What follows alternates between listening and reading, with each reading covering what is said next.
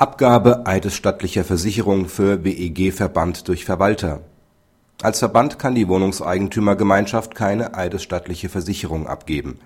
Dies hat durch den Verwalter zu erfolgen. In dem vor dem Landgericht betriebenen Verfahren wird gegen die Wohnungseigentümergemeinschaft vollstreckt. Weil sie nicht zahlen will oder kann, verlangt der Gläubiger die Abgabe der eidesstattlichen Versicherung. Der Verwalter, der diese abgeben soll, wehrt sich vergeblich gegen eine solche Verpflichtung zwar ist eine solche Aufgabe entgegen der Ansicht des Gesetzgebers nicht ausdrücklich im Katalog des § 27 Absatz 3 WEG beschrieben, insoweit kann man in Betracht ziehen, dass nunmehr alle Wohnungseigentümer die eidesstattliche Versicherung für den Verband abgeben müssen. Dies ist aber nicht praktikabel und, weil nur der Verwalter die genauen Vermögensverhältnisse der Gemeinschaft kennt, auch wenig sinnvoll.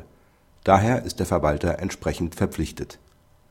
Praxishinweis die Entscheidung ist im Ergebnis zutreffend. Für den Verwalter ist sie unangenehm, weil im Rahmen entsprechender Veröffentlichungen von Inkasso-Unternehmen und Auskunfteien immer sein Name im Zusammenhang mit Zahlungsschwierigkeiten auftaucht. Wenn auch rechtlich nicht nachvollziehbar, wird dies immer beim Publikum auch eine Einbindung des Verwalters in die Schwierigkeiten suggerieren. In seinem Interesse wird es daher liegen, immer für eine ausreichende Finanzierung der Wohnungseigentümergemeinschaft durch sachgerechte Wirtschaftspläne und Sonderumlagen zu sorgen